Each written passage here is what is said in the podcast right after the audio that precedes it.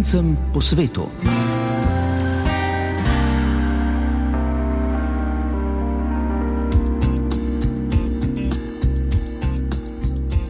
Pozdravljeni v tokratni oddaji. Vreme v Sloveniji je ta teden prav zares postalo zimsko, saj je državo zajelo prvo obilno sneženje v tej zimi. To je na cestah v začetku tedna povzročilo precejšnji prometni kaos. Zimsko vreme povzroča težave tudi v nekaterih drugih državah. No in ker je ta tema v zimskem času seveda aktualna, sem o tem, kakšne so vremenske razmere pri njih, povprašala tudi svojo sogovornico iz Belgije, ki vodi najmlajše tamkajšnje slovensko društvo. Jutri se bodo sešli na ponovoletnem srečanju, njegova rdeča nit pa bo zanimivo čebelarstvo. Govorili sva tudi o tem, kaj spontanega slovenci vnašajo v belgijsko družbo in kaj tako rekoč vsak slovenec, ki gre živeti v Belgijo, odnese sabo. V oddaji bomo pogledali tudi med slovence v Berlinu. Najprej pa bomo namenili pozornost pogovoru z ministrom Matejem Arčonom. Za našo oddajo je predstavil delo Urada za slovence v zamestvu in po svetu. Med drugim je razložil, kaj je bilo narejenega v lanskem letu in kakšni so načrti urada za letos, pa tudi katere slovenske skupnosti bo letos obiskal. Povprašala pa sem ga še, ali ima država kakšno strategijo glede tega, kako izobražene in podjetne slovence, ki so zdaj v tujini, privabiti nazaj domov in katere konkretne korake na tem področju načrtuje. Več v prihodnjih minutah. Odajo sem pripravila in jo vodim živa trček, za glasbeno obleko je poskrbel Jane Weber.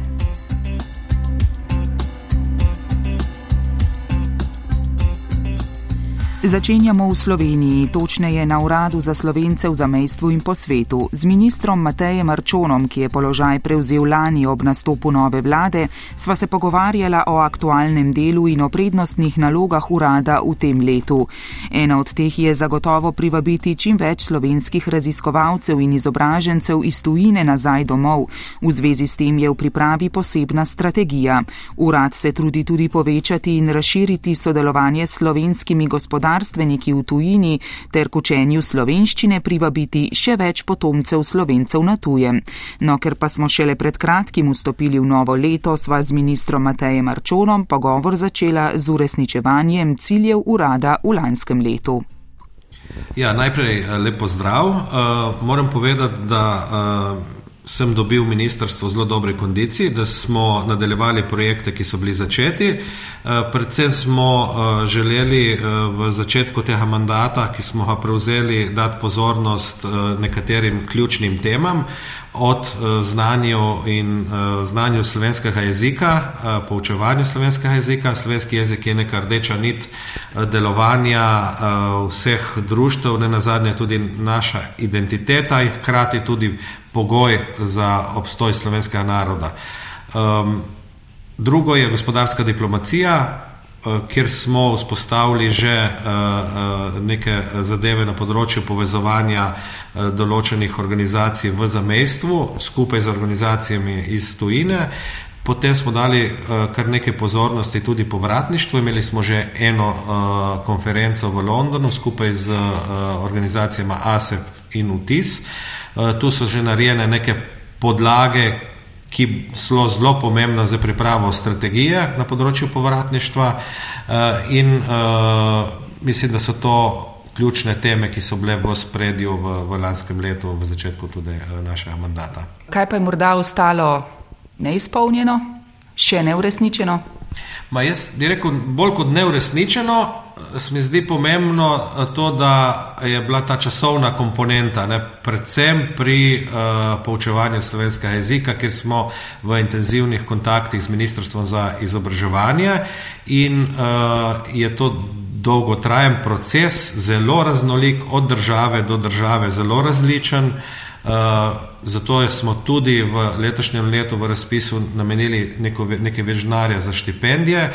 Hkrati uh, bo več pozornosti tudi uh, uh, strokovnem izobraževanju učiteljev, ki učijo slovenski jezik, predvsem izven zamestva.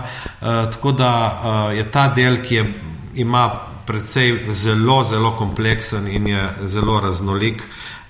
Tle moram pohvaliti tudi vse lektorate, ki so, ker dajo tudi izven njihovega rednega dela tudi svoj čas za poučevanje slovenskega jezika za slovence, ki živijo v tujini. Glejte, leta 2008 so v Clevelandu ustanovili Centr za slovenske študije na tamkajšnji državni univerzi kot nekakšen primer dobre prakse, ne, kako v bistvu povečati zanimanje za slovenščino in učenje. A načrtujete kaj podobnega morda še kje drugje? Vse primere dobrih praks želimo aplicirati uh, tudi na drugih področjih. Zato smo tudi na začetku našega mandata uvedli uh, videokonference z določenimi um, društvi, ki so oddaljene, ki niso v zamestvu in primere dobrih praks prenesti tudi na, na, na druge države. Se pravi, naša ključna vloga našega urada je koordinacija. Mi nismo dovolj strokovno sposobljeni na vseh področjih, eh, ki jih pokrivamo, mi smo pa zelo dober koordinator med eh, ministrstvi. Se pravi, da imajo slovenci, slovenska društva, ključnega sogovornika, da na določenih temah eh, najde tudi ustrezno rešitev. V tem primeru je Ministrstvo za izobraževanje, ki smo v rednih kontaktih na različnih področjih, da skušamo primere dobrih praks eh, aplicirati tudi v druge države. Odgovor je seveda da. Eh, pa lahko kakšen konkreten primer navedete, recimo glede tega, kar eh, ste zdaj omenjali, da sodelujete z Ministrstvom za izobraževanje v povezavi s tem, kar sem vprašala glede Clevelanda. Katere primere dobrih praks skušate prenesti? Lete, en od uh, meni ljubih primerov je recimo bilo, kako so v času korone uh, v Avstriji uh, upeljali učenje slovenskega jezika za najmlajše ker tam je osnova, tam otroci najbolj absorbirajo rekel, znanje in je um, pomembno, da se fokusiramo na, na najmlajše, je kako so skozi eno spletno aplikacijo jo razvili, da otrok uh, jo um, uh, pogleda, mislim, da je pot v, v, v, v vesolje nekaj takega. In skozi uh, tisto ga, ga privabi, da začne brati knjige, In ko bere knjigo, potem potuje v tem potovanju. In to se mi je zdelo zelo dobro in primerno, kako se otroke spodbuje na tak sodoben način učenja slovenskega jezika. In to smo predstavili tudi ostalim organizacijam, ki so začeli razmišljati tudi v, v tej smeri. Ni pa še aplicirano v nobeni drugi državi, to pa drži. Kaj bo država storila, saj nekaj ste to že omenjali, za vračanje možganov? Namreč eh, v strategiji ne, zunanje politike slovenske je zapisano, da je naloga države tudi spodbujanje vračanja slovenskih izobražencev, raziskovalcev, študentov eh, nazaj v Slovenijo. Prej ste že omenjali recimo sestanek v Londonu. Kaj konkretnega boste na tem področju storili? Ja, tako kot je bilo pred leti ali desetletji uh, en od izzivov, kako doseči, da mladi ne odhajajo ven, da ostanejo doma, je danes izziv, da mladi grejo po izkušnjo in se vrnejo. Zato je bila tudi narejena analiza na različnih institucijah, od ZRC SAZU do društev ASEF in UTIS, kjer so pogledi prav tistih, ki živijo v tujini, kakšni so njihovi na nek način pogoji, bi se, po katerimi bi se vrnili nazaj, so zelo različni, ni enoznačnega odgovora, eh, kaj bi jih nazaj pritegnilo. Eh, ta analiza so podlaga za pripravo strategije, ki se bo uh, odvijala v letošnjem in prihodnjem letu.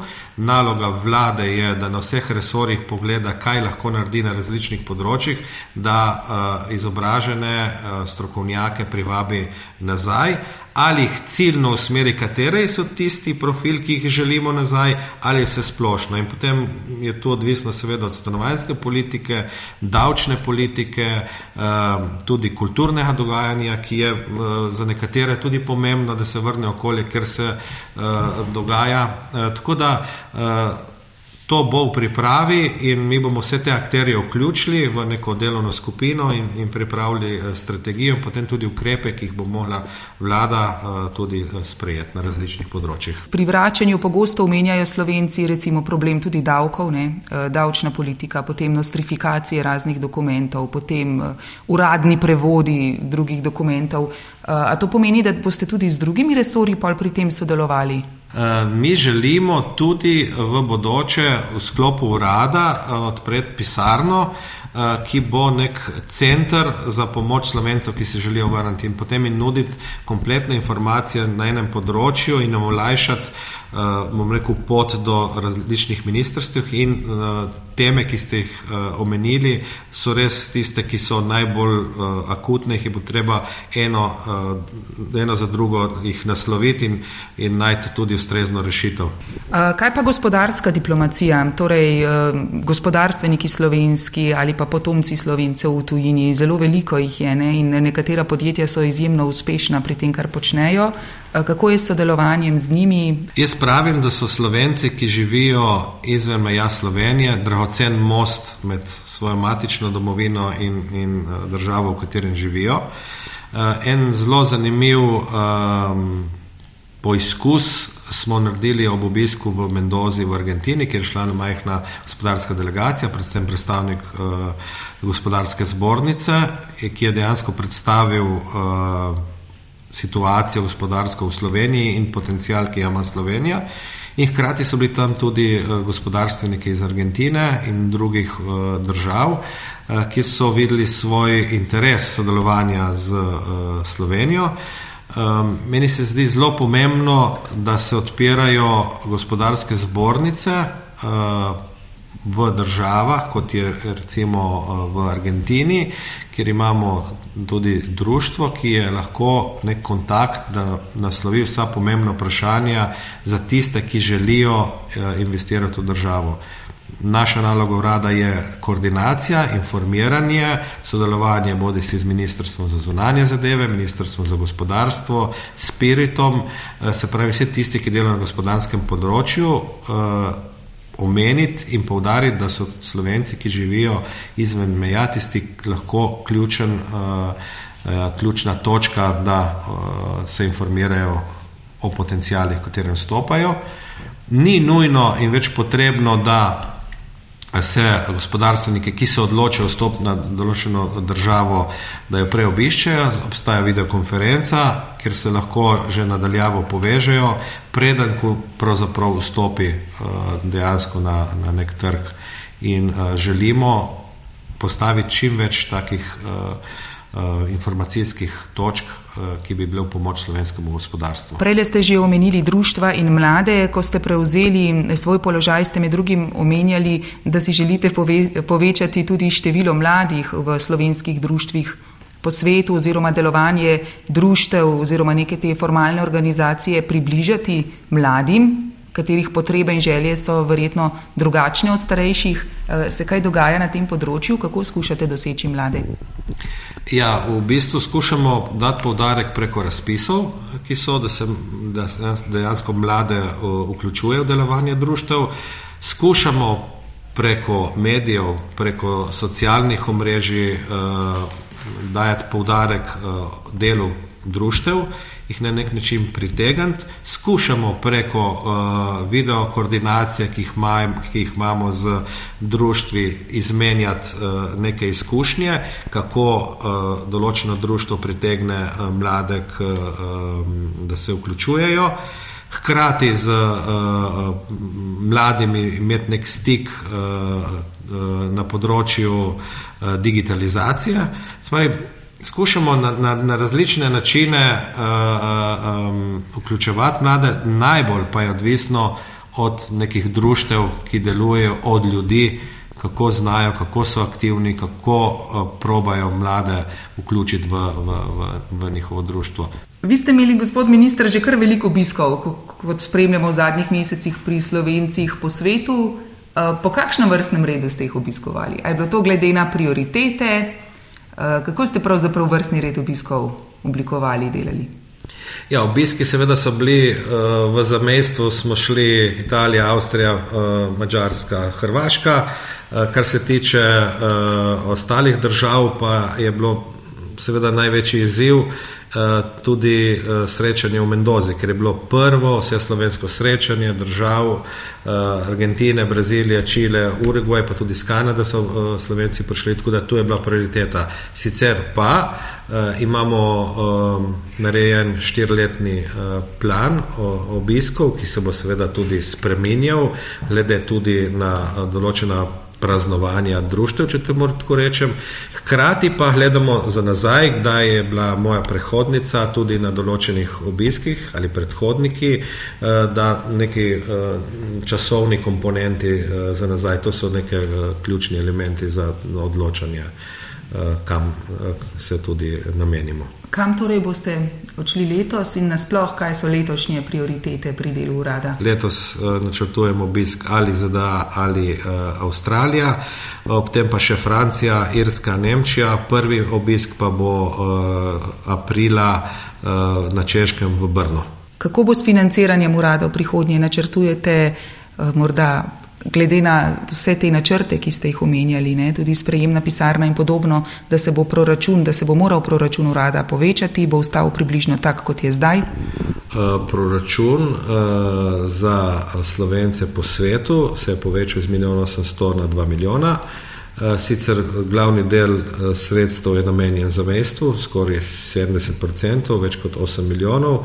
Eh, proračun se je povečal v letošnjem letu, načrtujemo pa v naslednjih letih tudi, da bi eh, tudi smiselno povečevali glede na potrebe, glede na eh, širitev dejavnosti našega urada in tudi glede na vključevanje urada v pripravo za Evropsko prestolnico kulture leta 2025.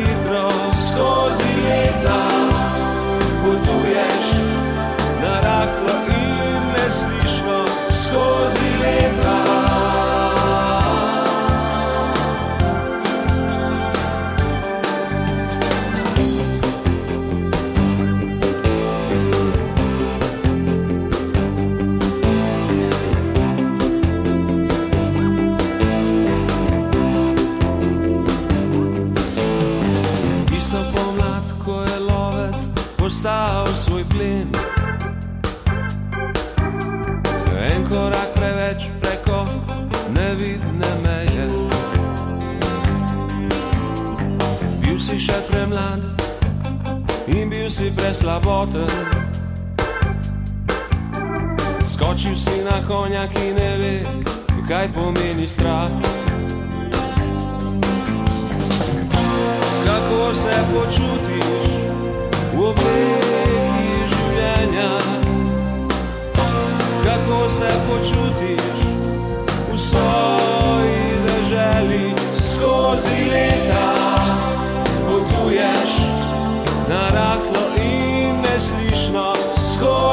Skozi leta. Potuješ grenko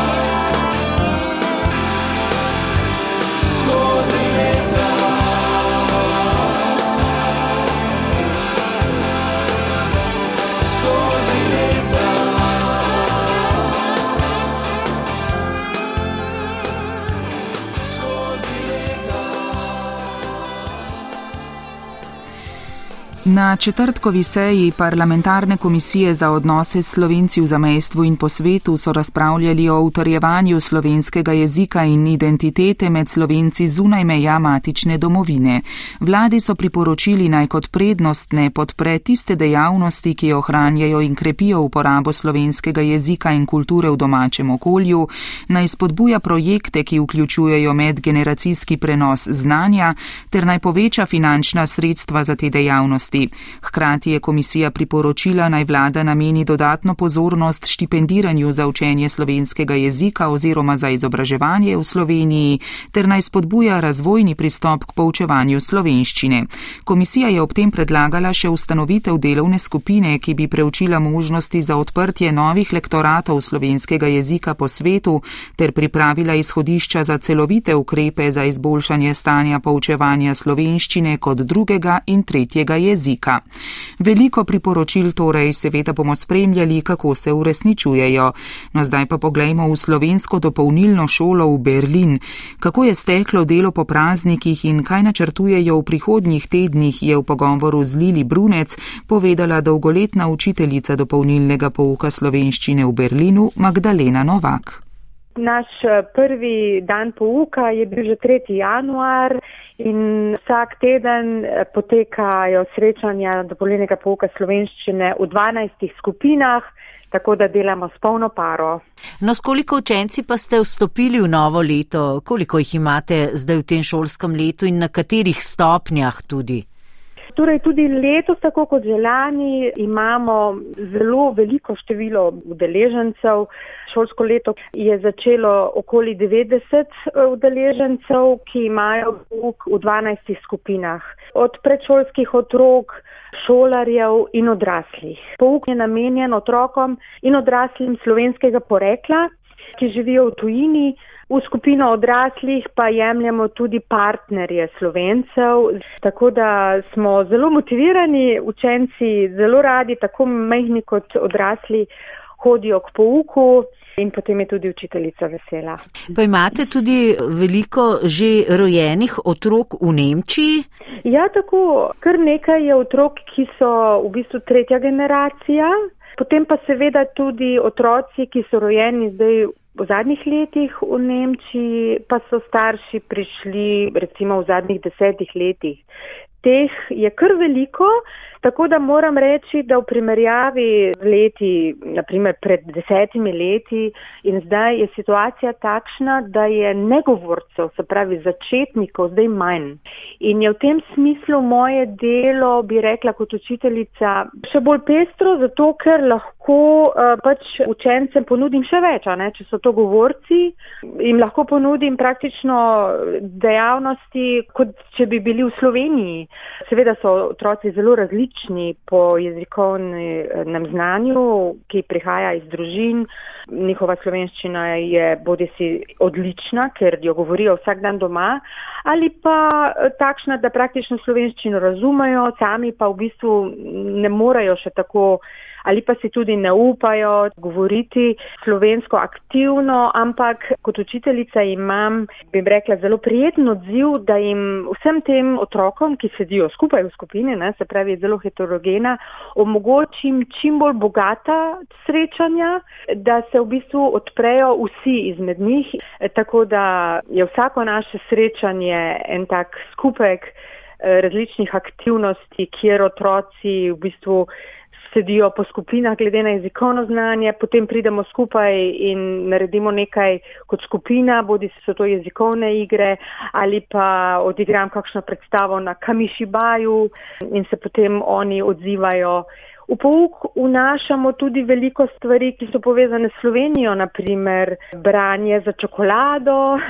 Zelo prijazno nas je knjižnica v Radovlici že pred leti povabila k tej akciji, ki smo jo zdaj spet pod pandemiji oživili, da naši otroci berejo samostojno doma eh, knjige v slovenščini.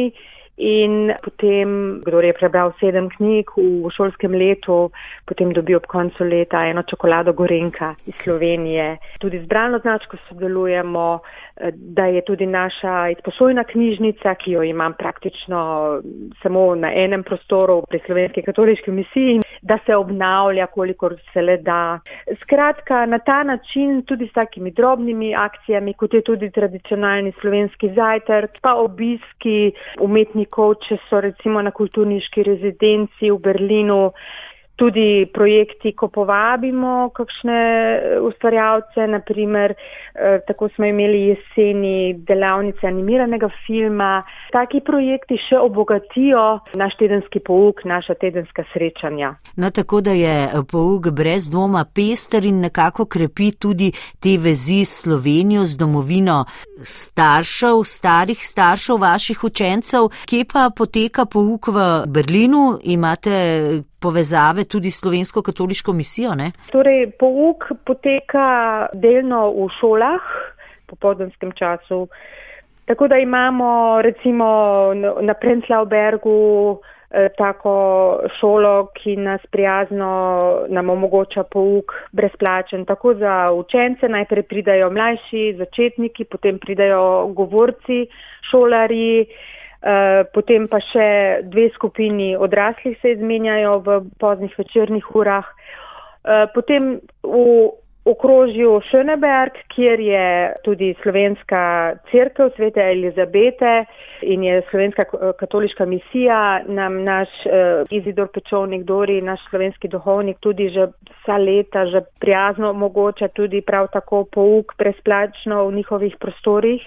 Potem druga lokacija je v kraju Falkensee, to je v, že zunaj Berlina, kjer je tudi veliko slovenskih otrok, tako da imamo zdaj tam tri skupine. No, pri gospodu Dorju pa pouk poteka ne samo ob sredah, pač za, otrok, za šolske otroke in odrasle, temveč tudi ob sobotah dopoledne, ko imajo čas predšolski otroci in imamo tudi dve skupini um, predšolskih otrok, ki med tednom hodijo v vrtec, v nemški vrtec ne, in potem ob sobotah do povdne lahko pridajo še, kot rečemo, slovenski vrtec, seveda pa ne gre za varstvo, ampak prav tako za srečanja, kjer z dejavnostmi primernimi za predšolske otroke eh, se otroci uh, učijo slovensko in na ta način jaz kot učiteljica vidim pouk zlasti kot podporo domači slovenščini, ker mnogokrat gre za mešane družine, ko samo en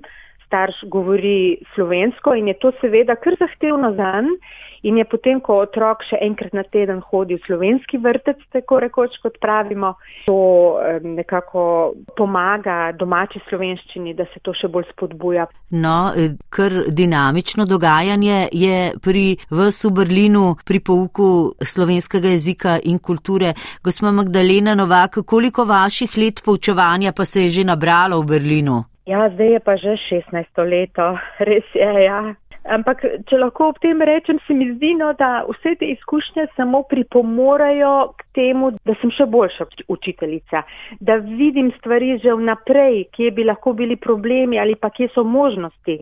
Tako, da sem recimo letos kot učiteljica na razpisu rada prijavila že kar pet projektov, ker vem, kakšne so možnosti in kakšen je odziv, kaj ljudje dobro sprejemajo in potem je seveda skupaj v povezavi z veleposlaništvom, ki me pri tem zelo podpira in tudi gospodem Dorjem, da potem skupaj pripravljamo projekte, ki ne stanejo veliko, ampak združujejo vse slovenske družine, eh, da se tudi otroci med seboj na teh projektih srečajo, da vidijo, aha, se nismo samo mi, ki govorimo slovensko v Berlinu, tudi starši se na takih dogodkih povežejo, se mogoče potem tudi sicer v prostem času družijo. To me zelo veseli, da je lahko dovoljeni pouk slovenščine ena taka stična točka za, rečem, zdravo slovensko skupnost teh slovenskih družin, ki se združujejo okoli pouka. Namreč starši tudi, če so recimo odšli v tujino, zato da bi si poiskali svojo novo srečo v službi in privat, eh, tudi če gre za mešane družine, ko pridejo otroci, pa imajo praviloma to željo, da se otrok razvija dvojezično in potem potrkajo na vrata dopolnjenega pouka slovenščine in takoj, ko so pri pouku, jim lahko ponudim še dodatne dejavnosti. In obratno, tudi tistim, ki mogoče še niso pri pouku, ponudimo taka srečanja, da pridajo tja, potem pa tudi iz teh srečanj dobimo tudi med letom kakšne učence, ko starši vidijo, aha, koliko se dogaja, mogoče bi pa tudi jaz našel način, da bi enkrat na teden svojega otroka pripeljal k pouku. Tako da moram reči, no, da taki projekti, ki jih urad tako dobro podpira, da smo zelo hvaležni za njih in so tudi zelo modri, ker na ta način spodbujajo širjenje znanja slovenščine, da lahko ti otroci tudi potem hodijo na obiske v Slovenijo, ker po pravilu so čisto vsi zelo emocionalno, čustveno navezani na Slovenijo. No, vaš pouk je nad vse pester, v novem letu je delo steklo že s polno paro. Kaj boste v okviru slovenskega dopolnilnega pouka v Berlinu pripravili v prihodnjih tednih in mesecih? Nekaj dogajanja je že kar tradicionalnega, kaj ne? Tako, letos bomo spet izvedli naše Gregorjevo, mislim, da je letos že osmo po vrstič, torej že ena taka tradicija. Letošnje leto pa je tudi nekaj posebnega, ker bo Slovenija oziroma je Slovenija gostja na Frankfurtskem knjižnem sejmu. Ta bo sicer jeseni, ampak v sklopu te res posebne časti, bom rekla, že načrtujemo uh, kakšen obisk knjižnih ustvarjalcev za uh, otroke. Potem jeseni bom v Frankfurt uh, na knjižni sejem peljala tudi uh, odrasle. To bo moja prva taka večja akcija z odraslimi. No, če grem malo naprej, kaj bomo še pred počitnicami naredili. Na nek način bomo obeležili tudi materinski dan, to v sklopu pouka. Potem bomo kakšne drobne projekte v pouk tudi vnašali, poleg branja, Eh, za čokolado, ki sem ga že omenila, se bomo uh, udeležili tudi projekta Prižgimo luči oziroma Prižgimo si lučke o 85-letnici Lenčke Cooper, katere pesmico enkrat je bil en škrat, smo prav tako zapeli na odkležovanju in smo ji poslali že video pozdrav. E, tokrat bomo pa zdaj spomladi izdelovali zastavice in jih bomo potem poslali organizatorjem tega projekta v Šentil, tako da bojo tam tudi zastavice z motivi slovencev iz Berlina.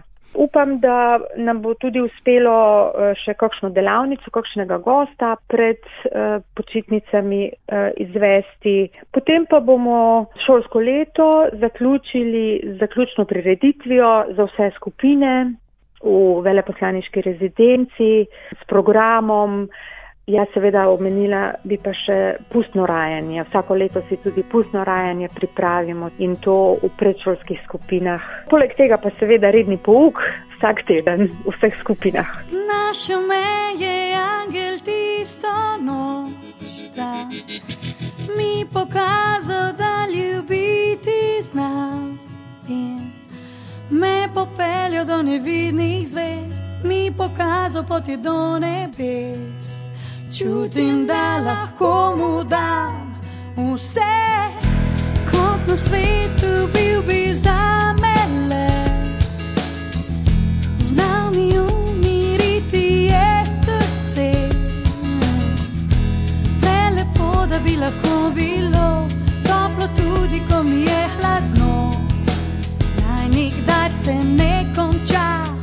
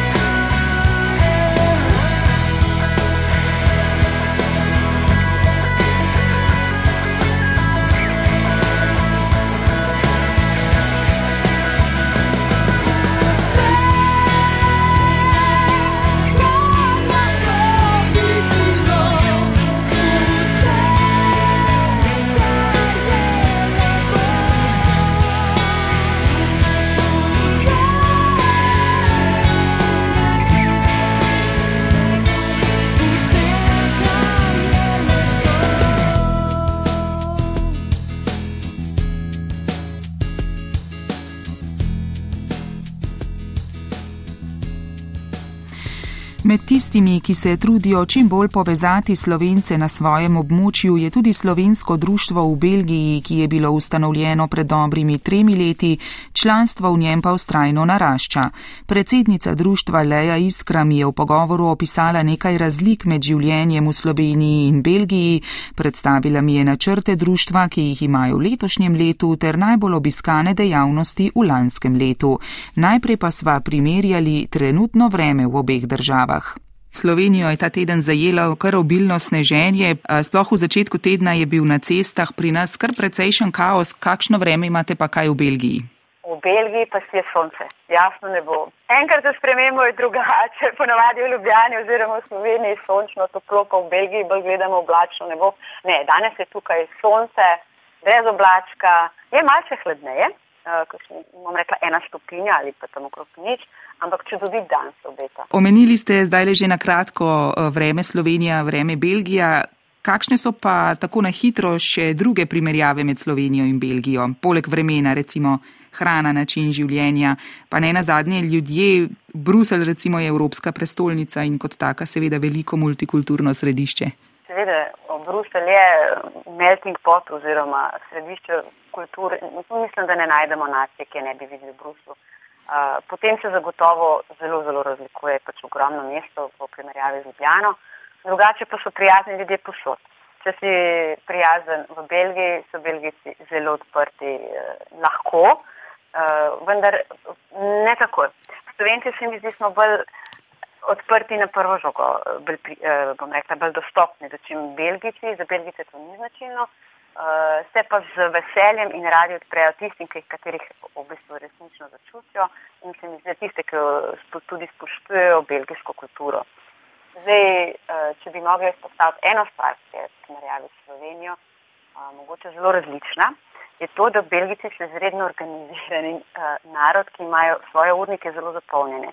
Mislim, da tudi v vaši vdaji ste povedali enkrat, da dejansko v Belgiji ni spontanega, da greš ti z nekom na kavo, ampak se zato meniš dva do tri mesece vnaprej, da si ljudje rezervirajo čas, da je vse nekako splanirano. Tako da te spontanosti v Belgiji se mi zdi malce manjka. In to, ko se pogovarjamo z domci oziroma izseljenci tu v, v Belgiji, v Bruslju, eh, si rečemo, da bi, da bi bilo to ena lepa dodana vrednost, če bi to ohranili, ko pridemo v Belgijo. Samo življenje se zgodi, ne? Eh, no, Leja Iskra, vi ste predsednica slovenskega društva v Belgiji, eh, ki ima, kot navajate, predvsem povezovalno vlogo, torej povezovati želite slovenke in slovence, ki živijo v Belgiji. Kako vam gre ta naloga, koliko rojakov ste že povezali, pa na kakšen način to počnete? E, ja, res je. Naše društvo je mlado društvo, povezujemo se radi, želja je. To se uh, vidi vsako leto več članov, mi se lahko malce pohvalimo, da zadnja tri leta eh, smo pridobili več kot 300% več članov, kot jih je bilo prej. Tako da smo zelo ponosni na to. Mogoče pa tudi ta mm, nekak naša usmeritev oziroma pohvala za naše delo, da se resnično trudimo, da se srečamo, da se srečamo v vseh naših natrpanih urnikih, da pokramljamo, da se podružimo, da praznujemo eno ali drugo da obeležimo eh, praznik, dan, obletnico in ne nazadnje, da se tudi malce sprostimo in da se družimo, eh, recimo, družine v neformalnih okoljih, naprimer v parku, naprimer eh, na raznih igriščih. Tako da v bistvu življenje v Belgiji povezujemo s slovenskimi besedami, če lahko tako na kratko rečem. No in ko smo že ravno pri druženju, prav to soboto v bližini Bruslja organizirate ponovoletno srečanje slovencev prvo po epidemiji. Eh, zanimivo se mi zdi, da bo rdeča nit pomen čebelarstva. Zakaj? Ja, res je. Sicer ni prvo po epidemiji, mi se srečujemo, bom rekla, vsake par mesecev. Imamo jesensko, imamo pomladansko srečanje, tole bo pa letos še prvo. Eh, in sicer eh, zelo lepo na ključe avtorja, Nika in Anžef, tako sta nas kontaktirala z željo po predstavitvi knjige. Mi pa vsako leto naredimo dogodek, kjer predstavimo eno novo slovensko knjigo. Ali je to pravljica, ali je to zbornik, ali je to uh, karkoli. Uh, in uh, v njih obravnem pravnem času, na pravem mestu, nas je Anže kontaktiral in potem smo se z Niko in z Anžetom, uh, z Anžetom dogovorili za predstavitev te knjige. Uh, čudovita knjiga, moram reči, zelo uspešna v tujini, uh, mislim, da bo tudi v Belgiji. Uh, ne na zadnji gre pa za nek slovenski primer, kako lahko cenimo naše slovensko. Recimo med, uh, slovenska čebelica, kranska čebelica. Uh, vse to se mi zdi, da znamo ceniti. Mogoče še celo bolj, ko gremo v tujino. In na ta način se slovenci še malce bolj počutimo patriote v tuji državi. Uh, želimo podpreti kakšno slovensko stvar in ko bomo govorili o medu, ja kaj pa je bolj slovenskega kot slovenski med. Ne bom prva in zadnja, pa verjetno tudi nekaj bo rekla, da velika večina slovencev v Belgiji si sabo prinese med. No, knjiga, o kateri govoriva, pa je gospodična medična. Ja, res je. Skrivnosti gospodične medične. Tako, uh, kaj drugega se bo pa še odvijalo na sobotnem srečanju? Eh, sobotno srečanje bo uh, obarvano s tombolo in seveda uh, tematiko medu in medične, gospodične. Drugače pa je to srečanje, kjer se podružimo in nekako predstavimo plane, kaj bomo delali letos, se pogovorimo, kaj bi lahko mogoče še izboljšali od lanskega leta in ne nazadnje, kaj vse je lansko leto preseglo naša pričakovanja oziroma katere dogodke bi si želeli letos ponoviti. Zagotovo je bil en najbolj odmeven dogodek.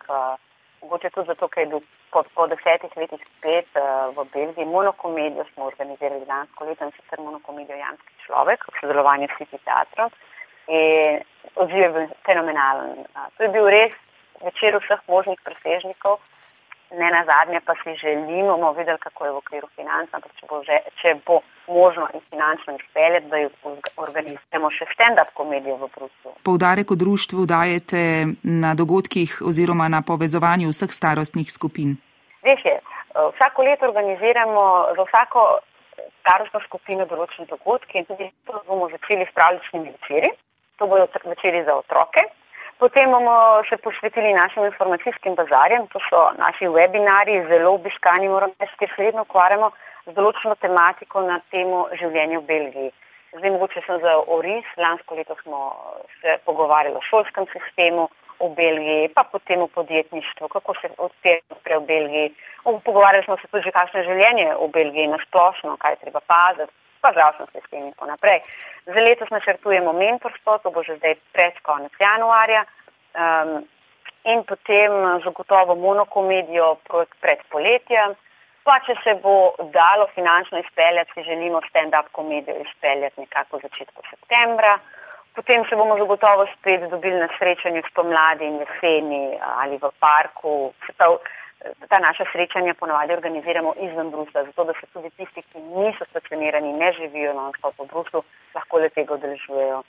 Potem, ja, zagotovo imamo novoletno srečanje oziroma predstavitev knjige in pa naše odmevne tradicionalne, eh, tradicionalne kreativne delavnice in pa kuharski večeri. Zdaj moram reči, da poljanskega človeka oziroma temu do monokomedije, ki smo imeli v gledališču, je bila najbolj odmevna uh, kuharska delavnica lansko leto s Polono, kjer smo ustvarjali gibanico. Poudarek v društvu pa dajete tudi uh, humanitarnim dejavnostim oziroma humanitarnim akcijam. Ja, in to velik poudarek.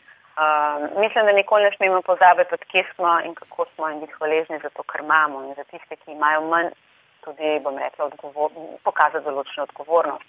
Mi vsako leto organiziramo minimalno dve humanitarni akciji in sicer ponovadi v sodelovanju z Zvezo prijateljev Mladine in Granamo se polje. In uh, bom rekla, da z veseljem povemo, da smo letos zbrali, smo imeli dve akciji. Uh, pred poletnimi počitnicami smo zbirali kopalne brisače in pa popalke za pač otroke, ki se tega ne morejo prevoščiti in grejo na morje z Zvezo prijateljev Mladine. In uh, smo zbrali ogromno materijala. In še najlepše, kar je se zgodilo pred božičnem času, skupaj s, z društvom iz Luksemburga, s katerim zelo dobro sodelujemo, smo združili moči in uh, prav tako Zvezo prijateljev Mladine pomagali verjetno številnim, ker uh, z donacijami, ki so jih prispevali naši člani in člani društva v Luksemburgu, smo zbrali več kot 3000 evrov. In ne se ob tej priložnosti zahvalim vsem, ki so prispevali in še bodo in sodelujo z nami. Kaj naj povem, če že vse sem povedal, kam naj še grem, ko je cilj že pa se. Naj se obrnem, vse posod slutam nek konec. Kaj sploh lahko, če vas gledam v hrbet, kam sploh še grem, če vsem sem problem. Naj se obrnem, mogoče pa sploh še ni konec. Čez jutraj svetlo bo pol, dober bo dan, grejo misli, če imajo kak plan. Topla beseda na kriv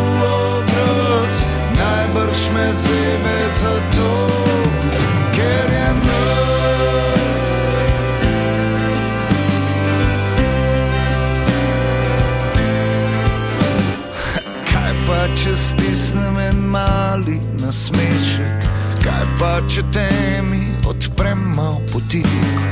Naj se obrnem, da sonce mi sveti v oči.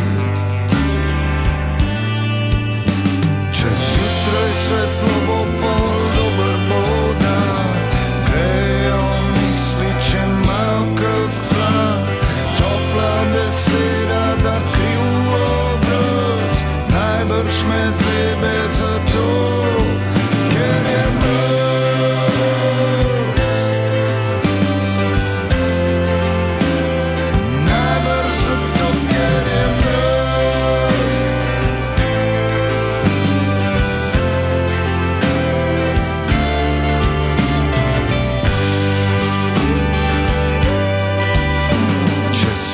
jutraj svetlo bo pol, dober bo dan.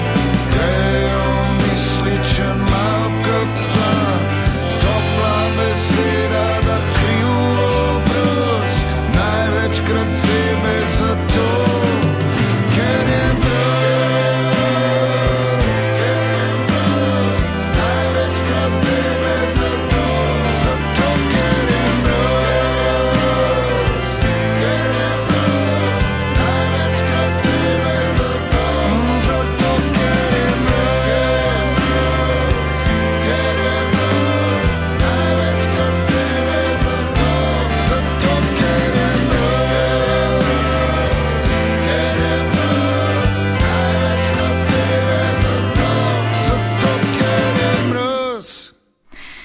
Pred koncem odaje naj omenim še javni razpis Ministrstva za kulturo, katerega namen je promocija slovenskega jezika in sicer s spodbujanjem besedilnih spretnosti in bralne pismenosti z ozaveščanjem o pomenu in vlogi slovenščine ter s spodbujanjem uporabe portalov, ki razvijajo bralno pismenost.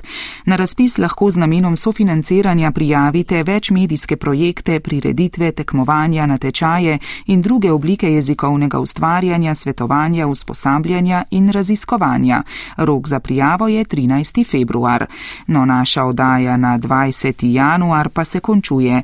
Z vami smo bili Lili Brunec, tonski mojster Gašper Loborec, glasbeni urednik Jane Weber ter Živa Trček, ki sem pripravila in vodila oddajo. Znova jo lahko najdete na spletni strani prvega in v podkastu oddaje. Srečno do prihodnič.